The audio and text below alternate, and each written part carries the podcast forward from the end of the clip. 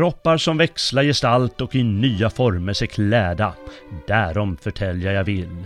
Ni gudar som gjort dessa under, se nu i nåd till mitt verk. Min sång genom tiderna fören, allt ifrån skapelsens dag till den dag vi uppleva själva. Så lyder inledningen till diktverket Metamorfoser av den romerska poeten Publius Ovidius Naso. Det är ett av världshistoriens mest lästa och av konstnärer gestaltade böcker.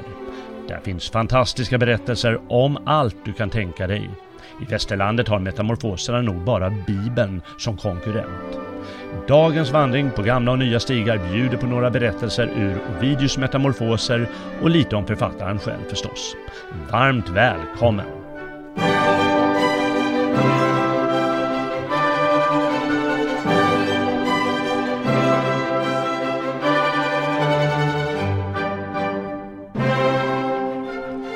År 8 efter Kristus kom olyckan till Publius Ovidius Naso. Han var 50 år gammal när kejsaren förvisade honom till en blåsig barbarhåla vid Svarta havet. En liten stad i kejsardömets ytterkant vid, nom, vid namn Tomis. Där framlevde han sina sista tio år i livet, ständigt vädjande till kejsaren om att få komma hem till sitt älskade Rom. När Ovidius drabbades av kejsarens vrede säger han att han kastade sitt magnum opus på elden i förtvivlan. Metamorfoserna ska ha räddats till eftervärlden genom avskrifter som florerade bland hans vänner inför publikation. Någon rad och här och där i de 350 sidorna text är därför ofärdig och Ovidius brydde sig inte om att snygga till dem. Hans liv var ju mer eller mindre slut nu, menade han. Bäst hade väl varit om elden slukat både honom och boken. Tack och lov blev det aldrig så.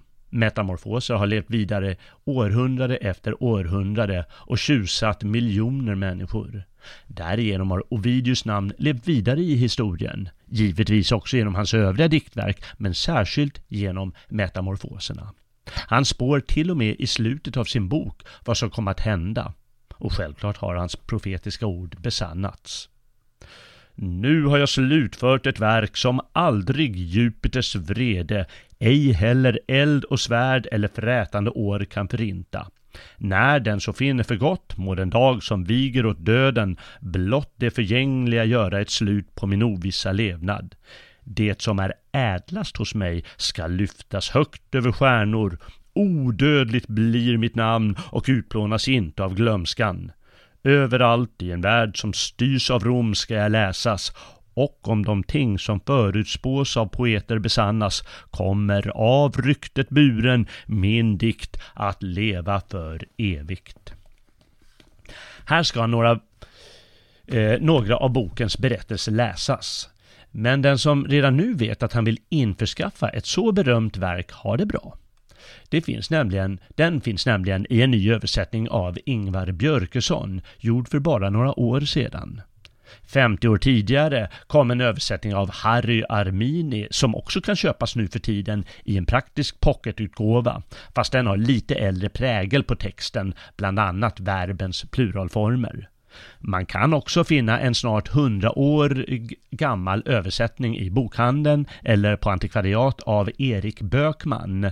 Det är ett nytryck av ett urval av sagorna i Ovidius bok och går också alldeles utmärkt att läsa, särskilt om man bara vill ha det allra mest kända.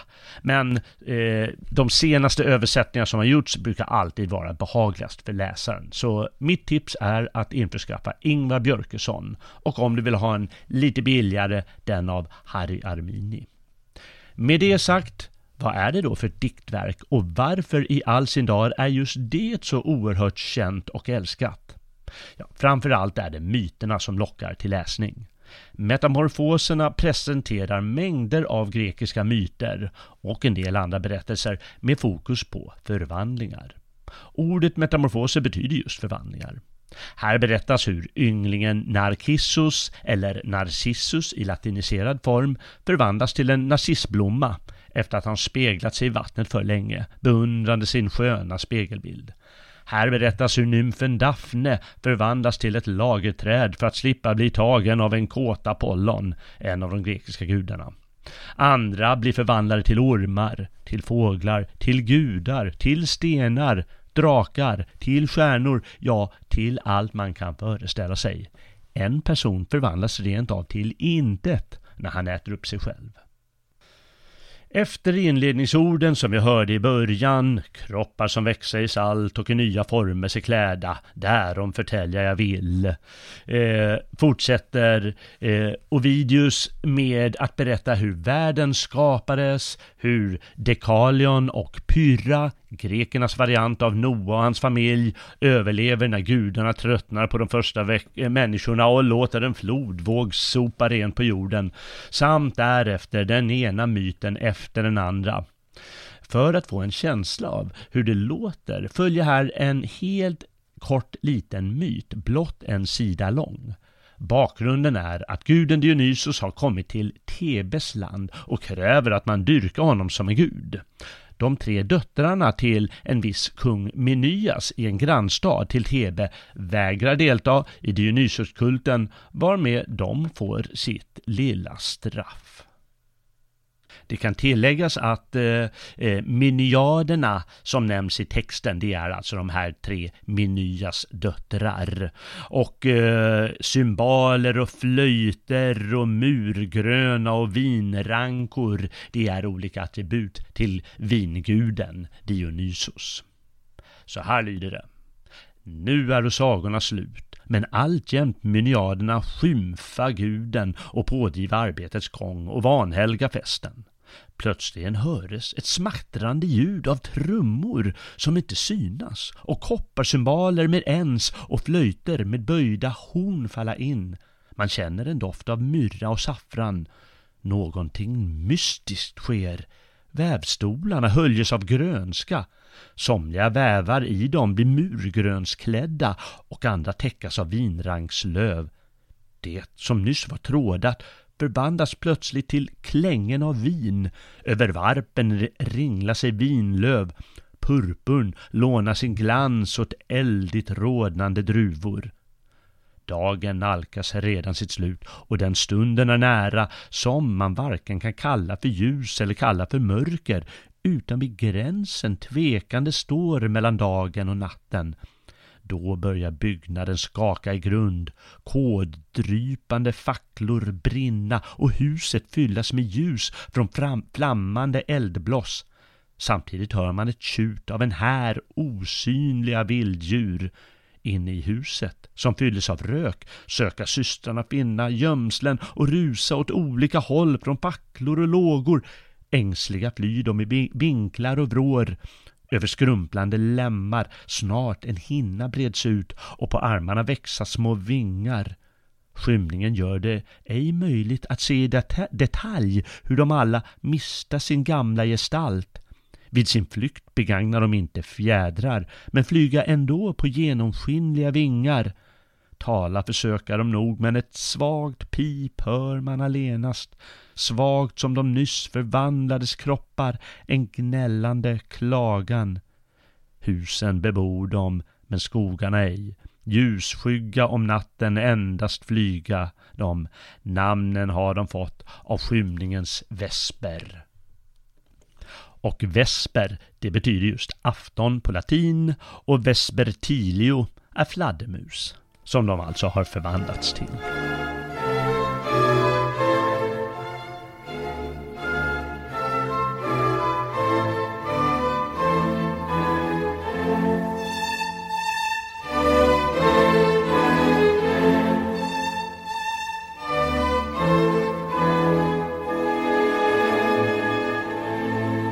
Med mytens hjälp ger Ovidius, som vi hörde, en förklaring till varför något är som det är eller heter vad det heter.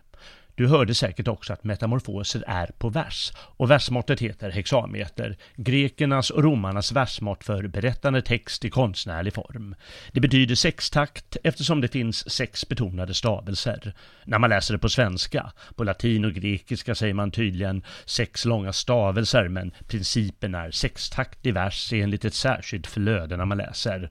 Detaljerna är inte så noga och inte heller om man råkar läsa fel ibland. Vad gör väl det?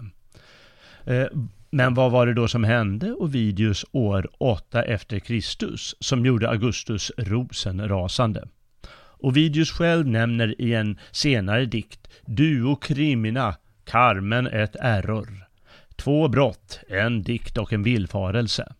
Mer än så vet vi faktiskt inte. Brottet i fråga var i alla fall inte så illa att han förlorade livet, men inte så pass milt att han någonsin fick återvända till Rom. Forskarna tror att dikten han nämner är hans ökända lärodikt Ars Amatoria, kärlekskonsten eller konsten att älska, där båda könen undervisas hur man ska förföra den älskade, inte minst få till utomäktenskapliga förbindelser. Nu visste alla att Ovidius var lite av en spjuver eller, eller snarare en kvick, underfundig och påhittig poet som gärna berörde ämnet kärlek och erotik från alla möjliga synvinklar.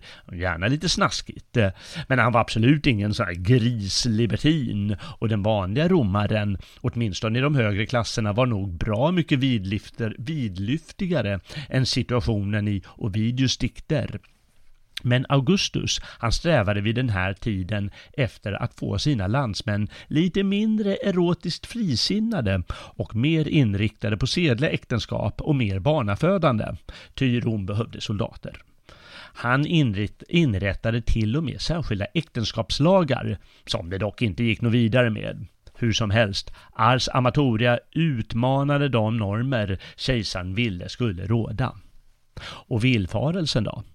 Ja, den har historikerna knutit till Augustus dotterdotter Julia, en ytterst sedeslös dam, som utgjorde centrum i en skandal av erotisk karaktär vid den tid då Ovidius fick sin dom. Julia själv blev själv eh, förvisad några år av Augustus. Var han på plats? Ovidius alltså? Hade han sett? Hade han medverkat? Hade han talat löst om händelsen? Tusentals har spekulerat i det hela och givetvis har några dragit till med gissningen att Ovidius själv varit älskare till Julia. Något som knappast är sant. Så var det iväg till hålan Tomis vid världens ände enligt Ovidius sätt att se på saken. Han var en mondän man som hade lagt hela Rom för sina fötter genom sin underbara penna. Han var en livsnjutare. Han älskade Rom som var världens centrum. Han älskade att underhålla människor. Komis, som nu heter Konstanta och ligger i Rumänien, var den absoluta motsatsen. Där talade de något skytiskt tungomål som Ovidius sent om sidor tvingades lära sig istället för det konstnärliga och kraftfulla latin. Där förstod sig ingen på konst, tyckte han nog. Där var det kallt och dragigt i jämförelse med Rom, tyckte Ovidius. Där var han själv ingen och alla var ingen för honom. Där skrev han två diktsamlingar, många av dikterna i brev, brevform, där han ibland vänder sig till kejsaren, först Augustus och senare till Burtius när Augustus eh, dött år 14. Fast inga smekande ord kunde blidka kejsaren. Domen stod fast och efter tio år på plats gav han upp andan. Men då var han i alla fall Roms mest firade poet. En svit myter i metamorfoser som Ovidius återberättar utspelar sig i Thebe, den berömda staden som en gång i tiden grundades av Kadmos. Många av myterna är ytterst grymma och vid flera tillfällen är gudar inblandade i de grymma skeenden, skeendena. Kadmos dotterson Pentevs blir ihjälsliten av sin egen mor och hennes systrar på grund av sitt trots mot guden Dionysos. Aktaion blir förvandlad till en hjort och dräpt av sina egna jakthundar för att han har sett gudinnan Artemis naken. Ino och hennes maka Atamas make Atamas blir galna på grund av gudinnan Junos hat. De förälskade ynglingarna Pyramus och Tispe råkar ut för ett hemskt öde och så vidare och så vidare. Berättelsen om Menyas döttrar som förvandlas till fladdermöss, fladdermöss som vi nyligen hörde hör till sagokretsen kring Tebe. Innan de förvandlas till fladdermöss har de suttit och berättat sagor för varandra medan de spinner. Och en av sagorna är den berätt berömda berättelsen om Pyramus och Tispe. Berättelsen är faktiskt en orientalisk saga som har letat sig in i de grekiska och romerska myterna. Det är förstås inget ovanligt att sagor och myter sprids mellan kulturer. Sagan finns i många varianter runt om i världen och i Europa har många författare inspirerats av just Ovidius. En är William Shakespeare som i dramat Romeo och Julia använder temat där tillhör det unga kärleksparet var sin släkt som är bittra fiender, vilket försvårar de förälskade ynglingarna att få varandra. Och i Sverige har Astrid Lindgren använt temat i Ronja Rövardotter. Nåväl, hos Ovidius går den i alla fall som följer. Pyramus skönast bland ynglingar var och älskliga Tispe sattes i Österland bland ungmör främst utav alla. Stolta Semiramis stad, av tegelmurarna hägnad, var deras hem. Här bodde de vägg i vägg med varandra. Umgänge först, förtrolighet sen av grannskapet föddes. Kärlek snart spirar upp. Brudfacklan skulle den helgat, om ej hårda föräldrar sagt nej. Dock kunde de icke hindra att kärlek brann lika varmt i hjärtat hos båda. Ingen förtrogen om ha, de talar med miner och tecken. Elden, ju mer den är dold, dess mer under ytan den glöder. Husens gemensamma vägg dock fått en spricka, helt liten, som blivit till en gång då väggen för länge sedan byggdes. Denna brist, som av ingen märkts under långliga tider, sågen i älskade först. Men kärlek är ju så skarpsynt. Rösten här fick en väg och trygga gingo på denna kärlekens smekande ord av låga viskningar burna.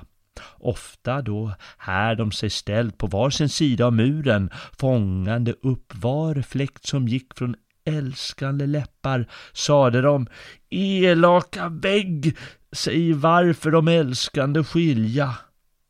Ack, vad gjorde väl det om du lät oss famna varandra? Är det för mycket begärt? Nåväl, för en kyss blott ej öppna. Otacksamma vi är dock ej, och vår skuld vi ej glömma.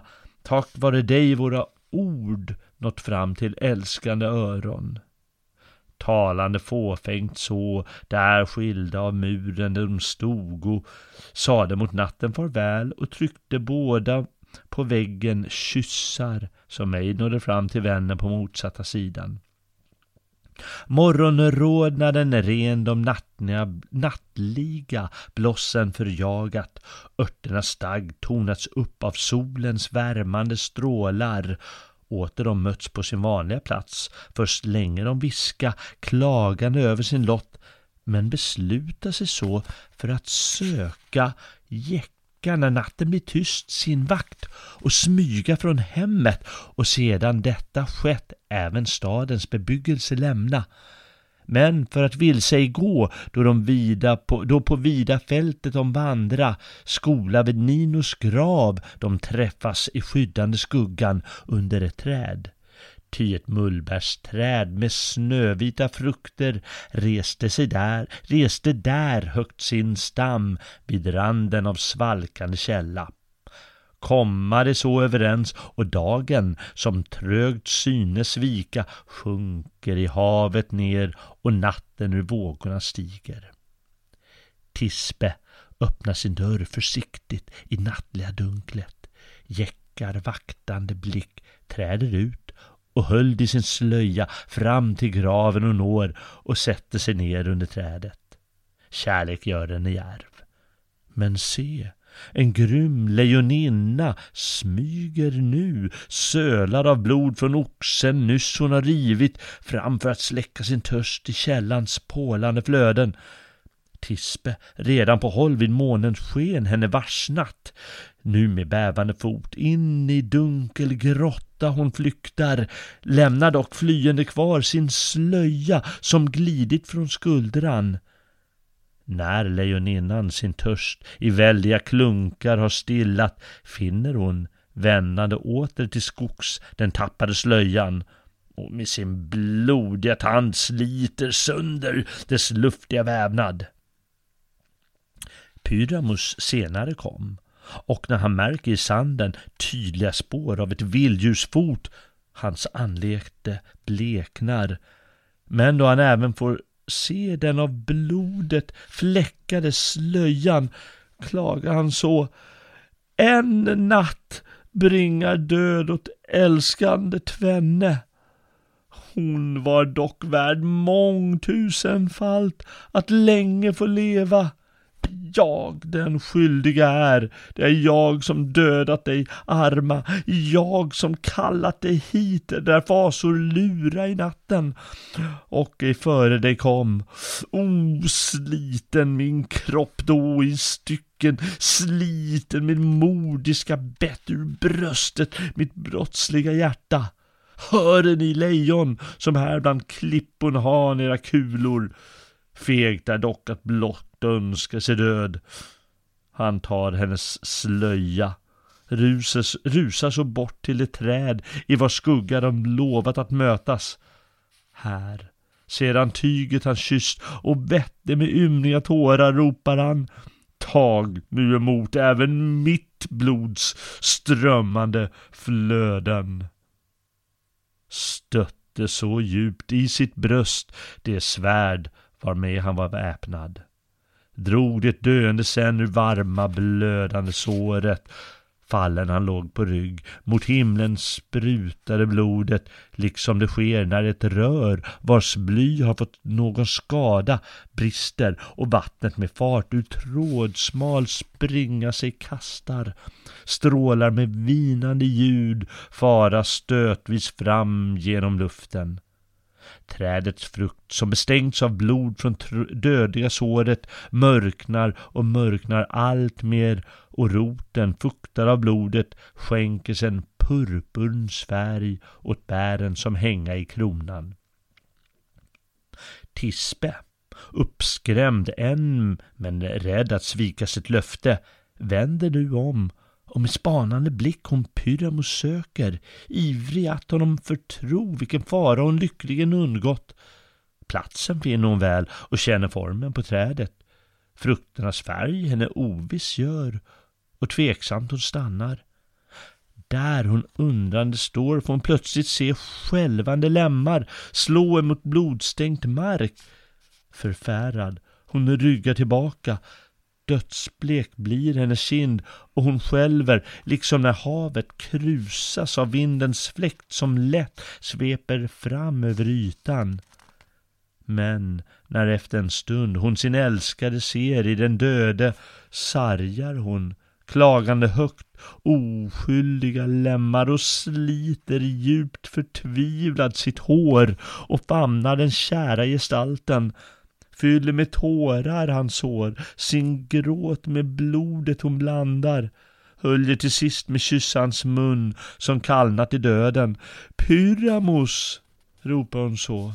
Vilket öde har ryckt dig ifrån mig?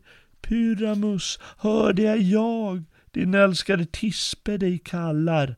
Hör mig, skänk mig ett svar. Ack, lyft dina domnade blickar. Ögon som redan tyngts av döden Pyramus höjde, nu vid sin tispes namn. Han såg henne, slöt dem för evigt. Men när hon känner igen sin slöja och märker att svärdet ej finns i skidan mer, hon ropar Så var det din kärlek som lät din egen hand dig döda, olyckliga. Därtill även hos mig finnes mod och min hand får kraft av min kärlek. Följd i döden du blir, skall jag arma kallas dess orsak, då jag skall dela den och. Blott döden kunna, kunde oss skilja, men ej döden en gång från mig skall dig kunna skilja. Blott än önskar jag nu beklagansvärda föräldrar ödmjukt rikta till er vår gemensamma bön och begäran, oss som vår sista stund i trofast kärlek förenat, oss må ni unna jämväl under samma kulle att vila. Hör även du, o träd, som nu beskuggar den enas blodiga stoft och snart ska skugga även den andras. Blodets tecken behåll, din frukt förbliv all, allt framgent mörk och en bild av sorg. Om bådas vår död ska du vittna. talade så och sen mot sitt bröst hon riktade svärdet, kastade sig mot den ägg, varm nu av utgjutna blodet. Bönen till gudarna gick, föräldrarna även den nådde. Mullbärets färg är mörk när frukten hunnit till mognad. Samma urna hyser det stoft som blir kvar efter bålet. Och då vet vi varför mullbäret har den färg det har. Ovidius är mästare på att måla upp små scener. Konstnärer har alltid älskat att gestalta dessa scener. Det gäller främst målare, men det finns även till exempel kompositörer som har utgått från metamorfoserna i sina verk. Mest berömd är nog 1700-talskomponisten Karl Ditters von Dittersdorf, en vän till Mozart, som i tolv symfonier använder motiv från Ovidius bok. Hälften av dem eh, har överlevt till vår tid, men resten är tyvärr borta. Annars är det som sagt mest målare som har gestaltat motiv från metamorfoser.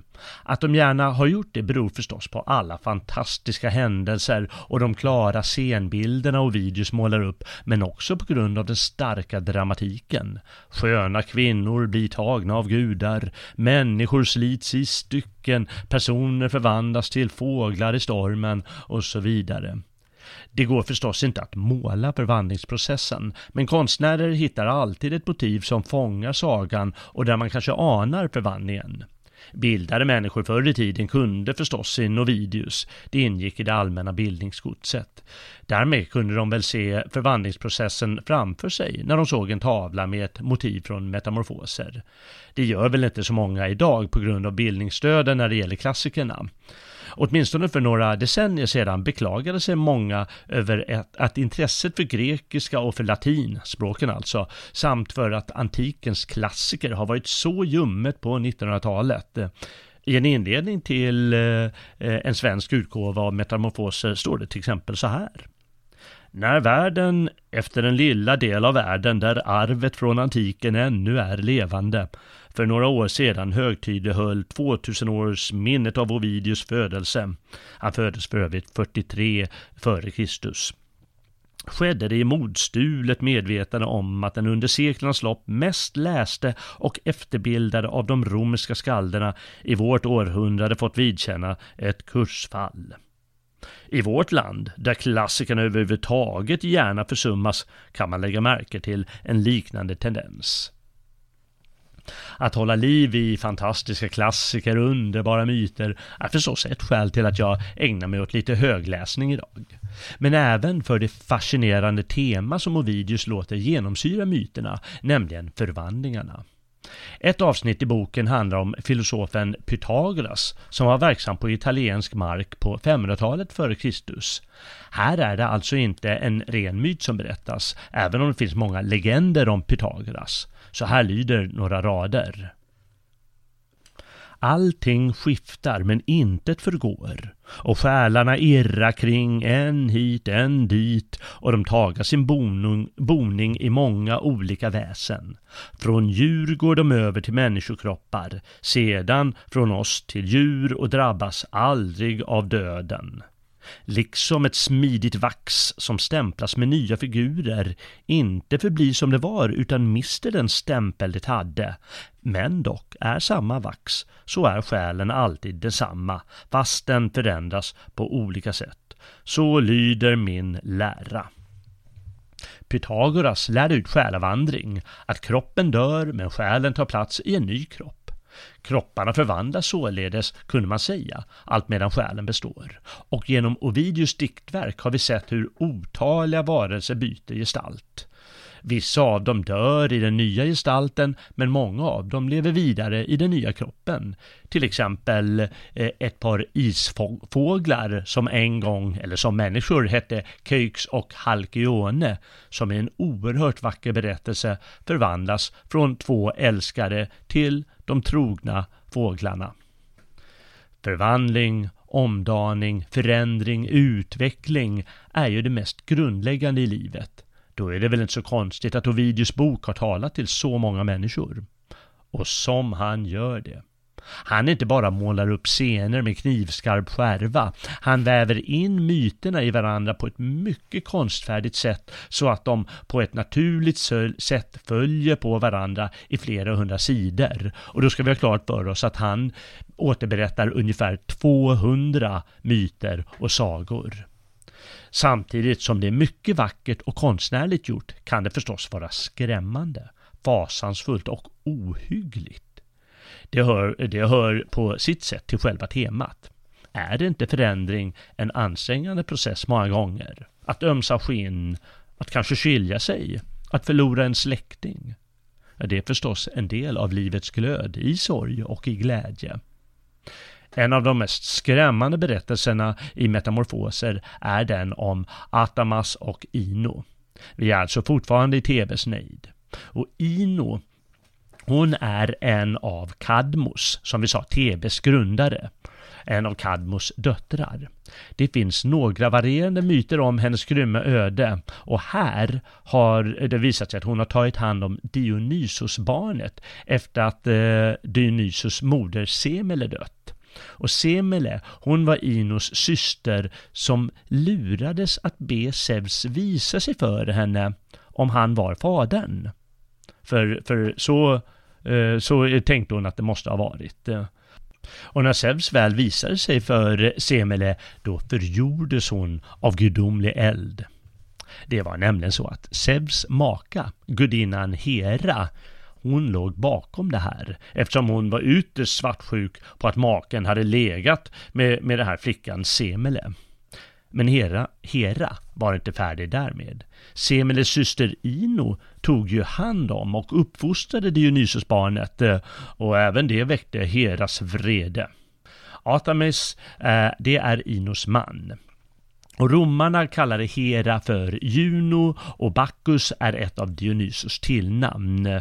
Eh, och eh, det säger jag för att de namnen används i eh, Ovidius berättelse här. Och några namn de förklarar jag kanske allt eftersom jag återberättar men inte alla för det finns alltid så många namn. Man måste inte känna till all, varje detalj när man hör det utan man får med sig själva berättelsen ändå. Redan var Bacchus dyrkad som gud av folket i Tebe. Ino, hans moster, beskrev för alla den nyvordne gudens häpnadsväckande verk. Bland systrarna var hon den enda som inte drabbats av sorg, blott sörjt över syskonens öden. Och de, hennes systrar, de hade blivit galna av eh, Dionysos, eh, slagits med vanvett varigenom eh, en utav dem eh, slitit sönder sin egen son, Pentevs. Juno fick se henne nu. Hur hon kände sig stolt över maken Atamas, stolt över barnen hon fått och sin fosterson Bacchus. Harmsen, mumlade Juno då, har en vanbörnig, vanbördig unge gjort till delfiner, meoniska män och sänkt dem i havet, låtit en penters kropp bli sliten i stycken av modern, givit åt Minias döttrar till flykt oprövade vingar, de som blev fladdermöss medan en Juno blott får begråta ohämnade skymfer, kan jag väl känna mig nöjd. Är detta det enda jag mäktar? Nej, nu ska Bacchus få visa mig väg. Av fiender bör man hämta sig lärdom. Vad vanvett förmår har mordet på Penters visat i fullaste mått.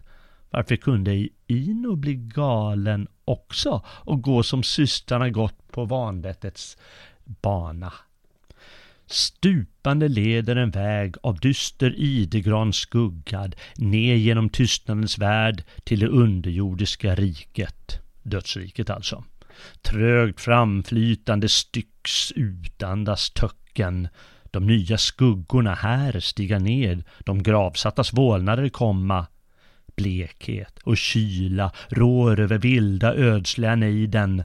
Manerna, främlingar än, ej veta var stygiska staden eller var nattsvart Dis förskräckliga borg är belägen. Och det är alltså en stad nere i dödsriket. Dis. Tusende vägar gå hit till rymliga staden, dess portar öppna stå överallt. Som havet uppsamlar varje jordisk flod i sin famn, så samlas här alla själar. Staden för intet folk är för trång och märker i ökning. Här, utan kroppar, blod eller ben, ses skuggorna irra. Forum besöks av en del, av andra härskarens boning, andra sig ägna åt värv som i forna livet de övat. Lämnande himmelens borg, Saturnus dotter, förmått sig till denna plats stiga ned, ett offer åt hatet och vreden. Och det är alltså Hera då, som gör det. När hon här trädde in och tröskeln suckade suckade under heliga fotens tyngd. Strax Kerberus upphävde tränne käftar till trefalt skall. Och Kerberus det är den här vilda hunden med tre käftar som vaktar dödsriket. Nu, nattens döttrar hon kallar, systrarna tre, de oförsonliga hårda gudinnor, någon sorts eh, andar i underjorden. Framför fängelsets tillslutna port av hård diamant de sutt och kammade ur nattsvarta ormar ur håret. När genom dunklets skuggande natt om Juno igenkänt reste de sig från sin plats. Den kallas förbannelsens hemvist. Här åt sargande gam bjöd Titius blottare levern. Nio ploglands vidd av hans kropp betäcktes. Ej vattnet Tantalos nås av din mun, bortviker det träd som dig skuggar. Sisyfus, du ditt rullande block en vältrar, en hejdar. Här på sitt hjul Ixion sig själv förföljer och undflyr. Danaos döttrar som djärvt åt sina kusiner ger döden, ösa och ösa vattnet som snabbt ur kärlen försvinner. Och det är då olika myter om människor som straffas eh, riktigt hårt i underjorden, där i förbannelsens hemvist. Sedan med dyster blick Saturnus dotter de alla skådat och främst bland dem Ixion. Blicken hon vänder åter mot Sisyfos hän och säger varför skall denna lida av brödernas eviga straff medan stolt i palatset Atamos tronar en man som jämte sin make med städse visat förakt. Vad som väckt hennes hat och varför hon kommit yppar hon nu. Vad hon vill är att Kadmos hus må gå under och att furierna må till blodståd Atamos driva. Och furierna är de här tre eh, demonerna som eh, dväljs där nere. Löften, böner, befallningar, allt hon förenar att ägga grymma gudinnors håg. När Juno slutat att tala skakar Tisifone, och det är en av demonerna, lock lockar som grå och toviga hänga, skymmande ormar hon för, för, eh, för från ögonen under och säger, undan och säger Många ord, ej här det behövs, vad helst du befaller anser det gjort. Drag bort från vårt dystra förhatliga rike och dig åter bege till himlens sällare nejder. Glad vände Juno till himlen igen och dottern av Taumas, Iris, med duggande bad när hon träder dit in henne renar. Strax den grymma Tisifone ondskefullt griper sin fackla, mättad av blod och sveper sig in i sin mantel som färgas röd även den av blod. En orm slingrar sig, slingrar som gördel. Träder så ut ur sitt hus, på sin väg hon följes av smärta, därtill av fasa och skräck och ängsligt stirrande vanvett. Nu vid tröskeln hon står till Eoliska borgen. Det säges att dörrposterna skällt, att lönnträdsdörrarna bleknat, solen mistat sitt ljus. Och det är väl uppe i tv då. Av tecknen Ino förskräckes, skrämd blev Atamas och palatset tänkte de lämna. Stängande vägen då står vid dörren straffande furie. Armarna sträcker hon ut, där ormar sig ringla som armband. Håret skakar hon vilt, man hör ett rassel av ormar. Andra kring skulder och hals är lagt, de krälar kring brösten, väsande spyr om sitt gift i gapen, tungorna dallra. Tvenne av arm, ormarna nu ur svallande lockar hon rycker, slungar de så med förpestande hand mot konungaparet. Fram över Inos och Atamas bröst de krälande glida, andas sitt gift där in, men ej dess kroppar de såra. sinnet det är som nås av grymma sargande betten. Med sig hade hon och förtrollande giftiga safter, fradga från Kerberoskap och giftigt slem från Ekidna. Sinnesförvirring därtill med glömskans mörker i följe, tårar, brott, raseri, blodtörstig mordlust och samman allt hon rivit och malt med blod nyss gjutet det blandat, kokat i kopparkärl och rört om med stängel av odört. Medan de bävande stå sitt gift låter furien strömma in ut i bådas bröst, där i väsendets djup det får verka. Svängande gång på gång i samma kretsar sin fackla tände hon snabbt genom virvlande eld och elden i sinnet. Så hon segrar. Befallningen verkställts. Tillbaka till Plutos ödsliga rik och hon går och ormen löser från midjan. Genast Aiolos son förryckt i borgen hörs ropa Hitåt kamrater, hitåt! Era nät spännen upp här i skogen! Och det är alltså Atamas som säger detta. En, lej, en lejoninna jag såg här nyss med två stycken ungar. Far så rasande hän efter makan som efter ett vilddjur. Och han jagar alltså sin fru nu. Eh, rycker moderns sköte, Learkus, en av deras söner, som sträcker små armar leende mot honom ut. Som en slunga honom han svänger två, tre gånger omkring och den lilles huvud han krossar grymt emot klippans häll. Nu grips även morden av branden, vare sig smärtan det var eller stänkta giftet som verkat. Tjutande högt hon flyr, vansinnig med lockarna lösta. Späd Melikerte som bär på sin arm och höres ropa Evo Bacchus och det är ett, eh, ett, ett, ett rop som han eh, skriker eh, vid Dionysoskulten. Evo Bacchus vid Bacchus namn hånleende Juno säger Se där den vinst din fosterson må dig skänka. Högt över havet sig reser ett berg den nedersta delen holkas av vågorna ut, där inunder är skydden mot skyfall. Toppen med tvärbrant stup mot öppna havet sig vänder. Ino klättrar hit upp, vansinnet ger henne krafter och med sin börda så, ej hållen tillbaka av fruktan, störtar i havet hon ner, där hon faller, vradgar fradgar sig vågen. Rörd av det öde som nått så oförskyllt hennes barnbarn nalkas Venus med bön sin faders broder och säger, Venus är alltså kärleksgudinnan som tydligen är någon sorts eh, släkt med, med Ino, eller Atamas.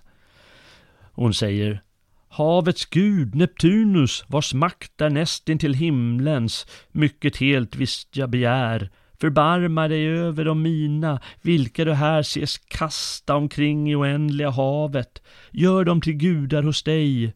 Även jag, något gäller i havet, om i dess djup en gång av samlat skum jag blev alstrad, och om ett minne därav är ett namn mig grekerna givit. Bönen av guden blev hörd. Neptunus skilde ifrån dem allt som var dödligt och gav dem vördnadsbjudande höghet. Namnen. Han ändrade och med det nya väsen de fingo kallade sonen Palaimon som gud och hans mor Leukotea.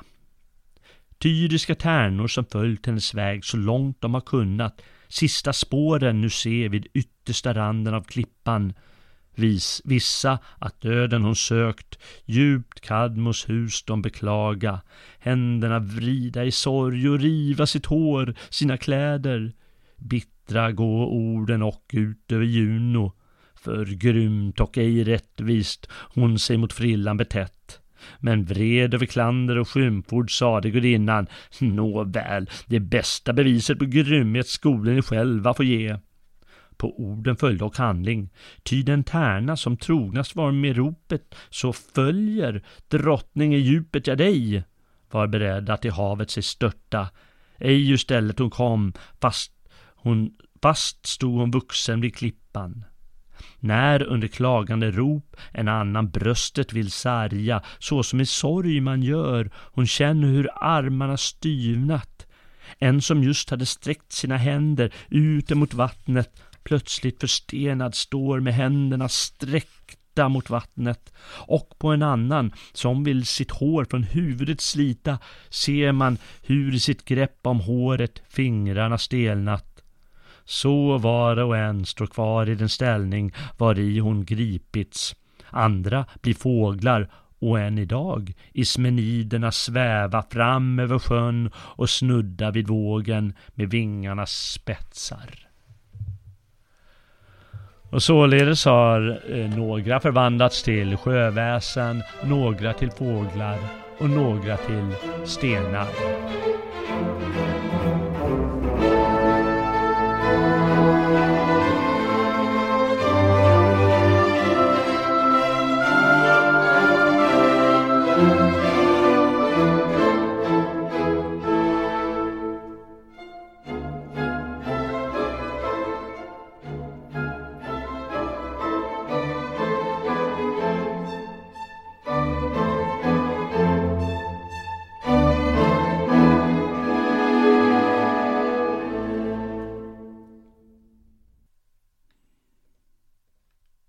Ovidius föddes i en liten stad vid namn Sulmo, lite öster om Rom, den 20 mars år 43 f.Kr. Som ung man studerade han likt alla andra romare av lite högre börd retorik och juridik. Men när han var runt 20 år gammal kände han att det kunde vara nog. Allt vad jag ville skriva blev vers, skrev han till en vän senare i livet. Under sådana omständigheter kan man ju inte bli jurist, tänkte han säkert. Nej, skald fick det bli. Juridikkappan slängdes ifrån och han begav sig ut i poetvimlet och fick snabbt hyggliga mecenater som hörde vad han gick för. Ovidius var lite yngre än tidens två stora diktare, Vergilius och Horatius, vilka var så 20-25 år äldre. Men frågan är om han i längden inte överträffade dem båda. Visst, Horatius är genom sina mäktiga dikter om allehanda ämnen en av historiens mest citerade personer. Och Vergilius epos Eniden, romarnas nationalepos, är lika vacker som den är storslagen. De tre utgör tillsammans med kollegorna Propertius och Tibullus samt några mindre kända diktare guldåldern i romersk litteratur. En oerhört rik epok i romarnas kultur under Augustus tid som härskare. Vem som är bäst av dem, det går väl inte att avgöra hur som helst. Bedömningarna har också varierat genom seklen. Men det är något särskilt med Ovidius och hans verk. Kanske är det lättheten varmed han skapar graciös vers samtidigt som allt känns så elegant, raffinerat och behagligt vilket ger honom ett stänk av Mozart. Kanske är det vemodet, glädjen och andra stämningar som kommer till uttryck på ett många gånger sublimt sätt. Kanske är det infallsrikedomen, glimten i ögat, den lyckade blandningen mellan spontanitet och konstfullhet, det som de flesta konstnärer strävar efter. Ovidius är sällsamt rik i sin diktning. Hans förstlingsverk, Amores, visade redan på titeln vilket ämne som var hans, åtminstone första delen av hans liv, nämligen Amors rike. Lekfullt gestaltar han en mängd kärleksäventyr och ger olika betraktelser av kärleken. Sedan följde boken Epistole Heroidum, brev av heroider, som i en svensk översättning kallas kvinnoöden under antiken. Ovidius låter ett antal heroider, kvinnor till heroer, hjältar alltså, som Achilles, Odysseus, Teseus och Herkules skriva brev till sina män som har övergivit dem. Längtan, förtvivlan, vemod, bitterhet med mera blandas snyggt om vartannat i boken. En populär genre på den tiden var lärodikten, en dikt på berättande vers där ett lärt ämne läggs fram, gärna ett högtidligt ämne med en högtidlig ton. Ovidius parodierar den genren i ett par böcker genom att låta det handla om kärleken på en ganska trivial nivå. I kärlekskonsten undervisar han hur man förför och erövrar den man älskar. Och i botemedel mot kärlek handlar det förstås om hur man går tillväga om kärleken har gått åt peppan. Allt berättat med glimten i ögat. Därefter kom chocken när Ovidius förvisades från Rom år 8 efter Kristus. Då låg metamorfoserna som sagt färdiga och i stort sett även Fasti, en lärodikt om romerska festivaler och högtider. I Tomis, dit han förvisats, var han mindre produktiv. Gnistan fanns väl inte kvar på samma sätt som tidigare.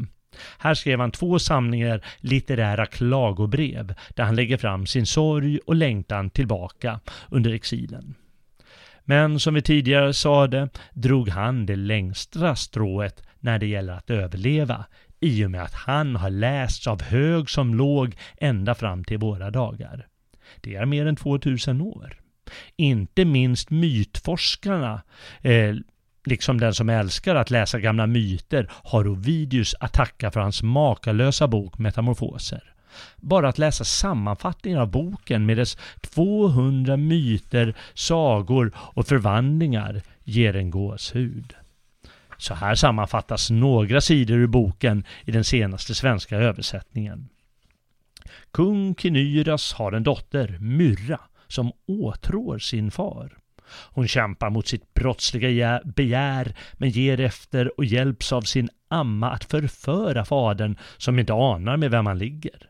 När han upptäcker det söker han döda dottern, som ångerfull flyr och irrar omkring tills hon slutligen förvandlas till det träd som fått namn efter henne. Ur dess stam föds Adonis som väcker Venus kärlek.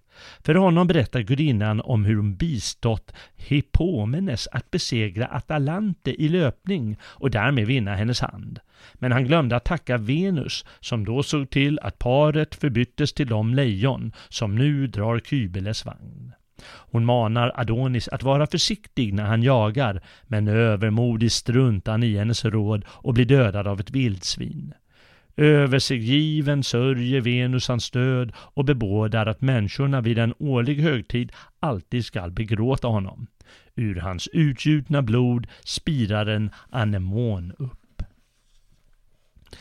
Givetvis kände Ovidius ända bort till Tomis en del av all berömmelse och förstod hur det skulle sluta. Sådana konstnärer som han växer ju inte på träd direkt. Och vad då? Att Tomis skulle vara så förfärligt? Jag menar, han kunde ju ha slutat sina dagar som kung Midas. Ungefär tre fjärdedelar in på metamorfoser är turen kommen till kung Midas öden. I verkligheten var han kung i Frygien på 700-talet, ett rike i mindre Asien, dagens Turkiet. I myterna är han också frygisk kung, men han råkar ut för förunderliga öden som han kanske inte gjorde i verkligheten. Du känner säkert till berättelsen om hur allt han berörde förvandlades till guld. Därtill finns en saga som berättar hur han fick åsneöron som han försökte dölja men att vassen avslöjar hur han ser ut. Kung Midas har åsneöron, susar vassen när vinden far igenom den. Men varför då? Låt oss höra vad Ovidius har att säga om saken. Lite sammanfattning av vad som har hänt precis före bara. Orfeus, den gudomliga skalden som fick till och med träd och floder att lyssna till hans ljuva stämma, blir stenad till döds av kvinnor i Trakien eftersom de tycker att han verkar förakta kvinnor. Egentligen sörjde han bara sin älskade Eurydike som dött av ett ormbett. Som straff förvandlar Bacchus, det vill säga guden Dionysos, de trakiska kvinnorna till träd. I början av texten som jag ska läsa nu nämns Tmolos och Paktolos som är ett berg och en flod i Frygien och grannlandet Lydien. Vidare nämns Silenos som är en satyr eller en faun, ett skogsväsen med bockfötter. Övriga konstigheter kan förklaras allt eftersom. Nu kör vi! Detta är Bacchus ej nog. Själva landet i vrede han lämnar, det vill säga Trakien efter att han förvandlat de här eh, kvinnorna drar med en trognare flock till vingårdskransandet Molos, där Pactolus ej än med vågor tyngda av guldstoft eller med dyrbar sand väckt upp den giriges avund. Runt om svärmar hans vanliga trupp, satyrer, bakanter, bakanter är så här rusiga kvinnor som följer honom. Borta Silenos dock är, ty vintyngd och stapplande åldring råkat i frygiska bönders våld och lindad i blomster till konung Midas förts, som själv av den trakiska Orfeus jämte Emolpos en gång i Bacchus orgier invigts. Och eh, det, är, det är Dionysos eh, eh, extatiska kult. När sin gillesbroder och vän kung Midas igenkänt firar han glad sin ärade gäst med fest och med fägnad, Silenos alltså, tio dagar i följd med därtill hörande nätter. Redan en elfte gång från himlen Lucifer hemfört stjärnornas här, då kungen förnöjd till Lydiens ängder förde Silenos hem till den unge guden han fostrat glad att fostraren se åt Midas guden beviljar omtyckt men gagnlöst gunst att fritt få välja en gåva. Det vill säga alltså Bacchus, han ger eh, kung Midas möjlighet att välja den gåva han önskar. Denne till dåligt bruk skulle löftet vända och sade Måtte då allt jag berör till rödaste guld bli förvandlat. Önskningen uppfylld blev, med vanskliga ynnesten Liber gälda sin skuld, beklagande dock att det är bättre än önskat. Nöjd berekyntiske hjälten går bort, och det är alltså Midas, och gläds åt sin ofärd. Skilda ting han berör för att pröva om löftet ej sviker. Knappast tror han sig själv. Från lågväst från lågväxt krona av järnek bryter han grönskande kvist till en kvist av guld den förbytes. Tar han från marken en sten får den guldets blekgula skimmer. Jordkockan som man berör en guldklimp blir genom handens mäktiga kraft. När mognade ax från fältet han plockar, äring av guld han får. Från trädet tar han ett äpple, Eh, ädlare ej Hesperiderna skänkt, och när vid en dörrpost fingrarna snudda helt lätt, den blänker i gyllen strålglans.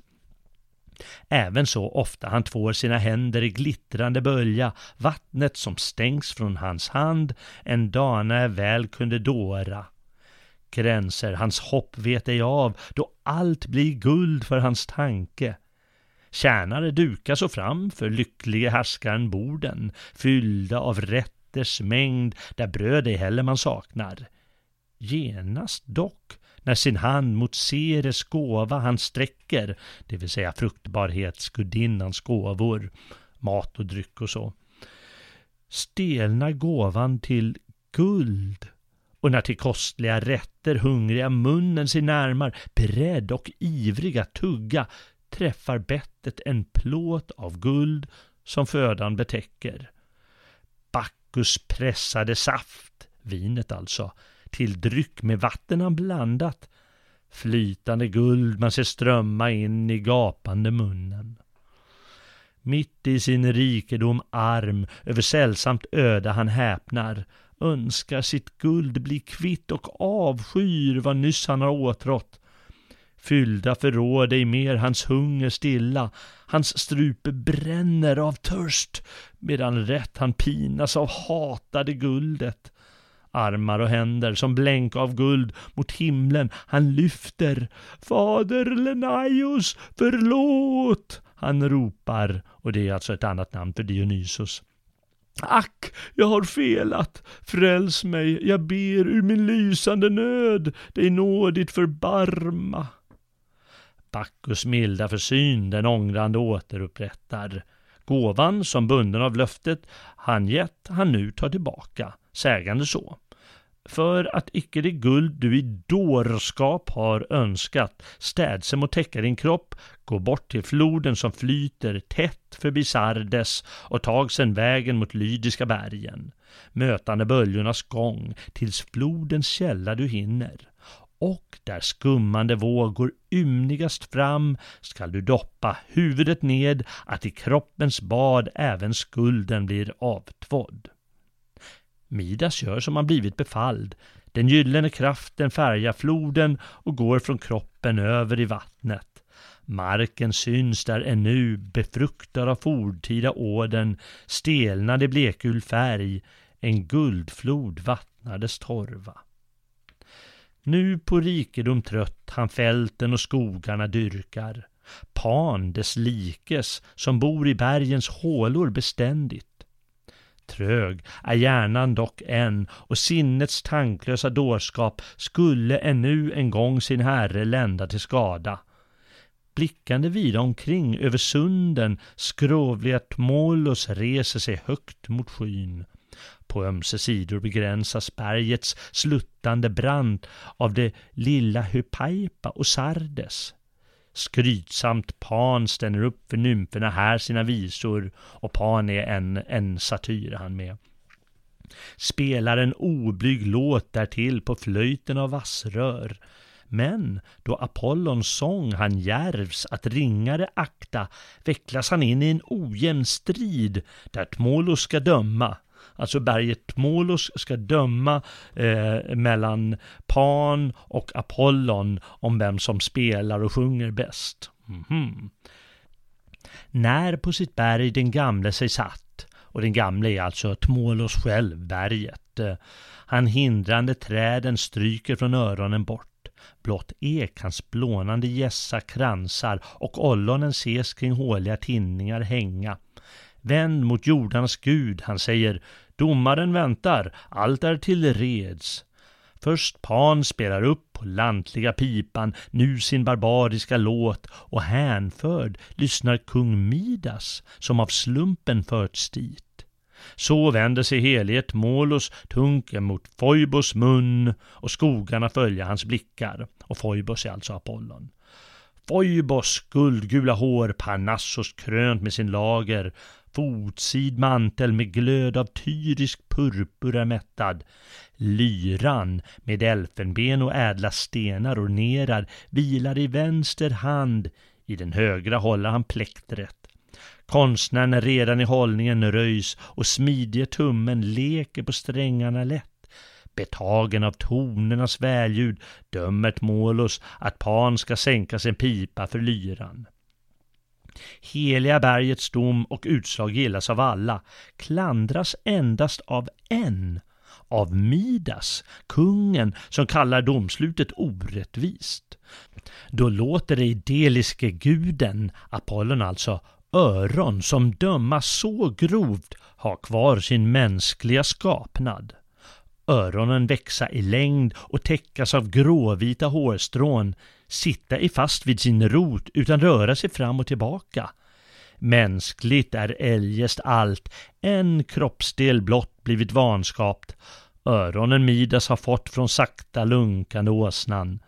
Dölja sökte han väl sin tinnings nesliga lyte, kylde sin tungande skam under purpurfärgad tiara. Upptäckt saken dock blev av en slav som brukade klippa kungens växande hår och ehuru han ej vågar röja lytet han sett, hur gärna han än ropat ut det i luften, tiga han kan dock ej. Han går ut på landet och gräver där i marken en grop och med dämpad viskande stämma han åt jorden förtror vilka öron han sett på sin herre. Sedan han så talat ut, han jorden lägger till rätta, myllande ner sina ord och går bort sedan hålet igenfyllts.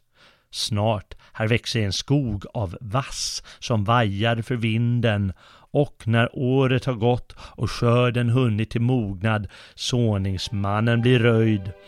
Då vassrören susar för sunnan, viskar de orden igen och skvallra om härskarens öron. I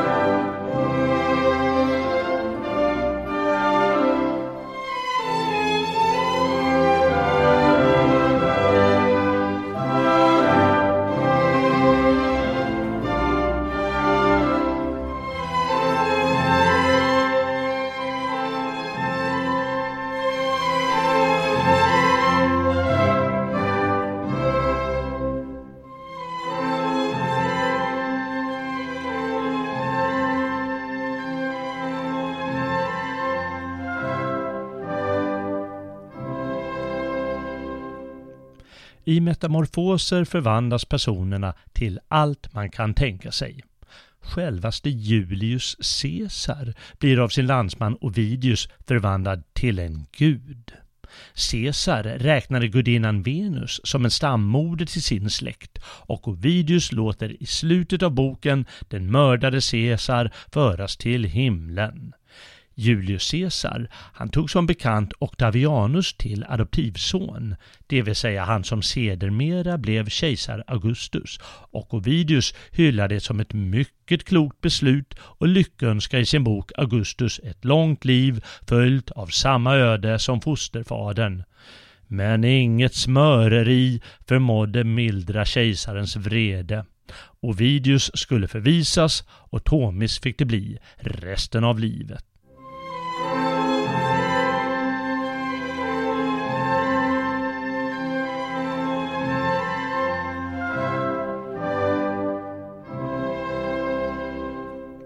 Ja, sånt är livet, som de sjunger i visan. Tack för att du har vandrat med på gamla och nya stigar i sällskap med mig, Ovidius, kung Midas och andra gamla tragiska figurer. Om du gillar vad du har hört kan du överlägga om du vill stödja Svegots verksamhet genom en stödprenumeration eller en donation. Det är endast genom lyssnarens stöd våra sändningar är möjliga att göra. Ifall du vill bidra, gå in på svegot.se och klicka på stödprenumeration eller donera i skärmens överdel eller via de tre strecken på mobilen. Det är frivilligt men stödprenumeranter får tillgång till särskilda bonuspoddar.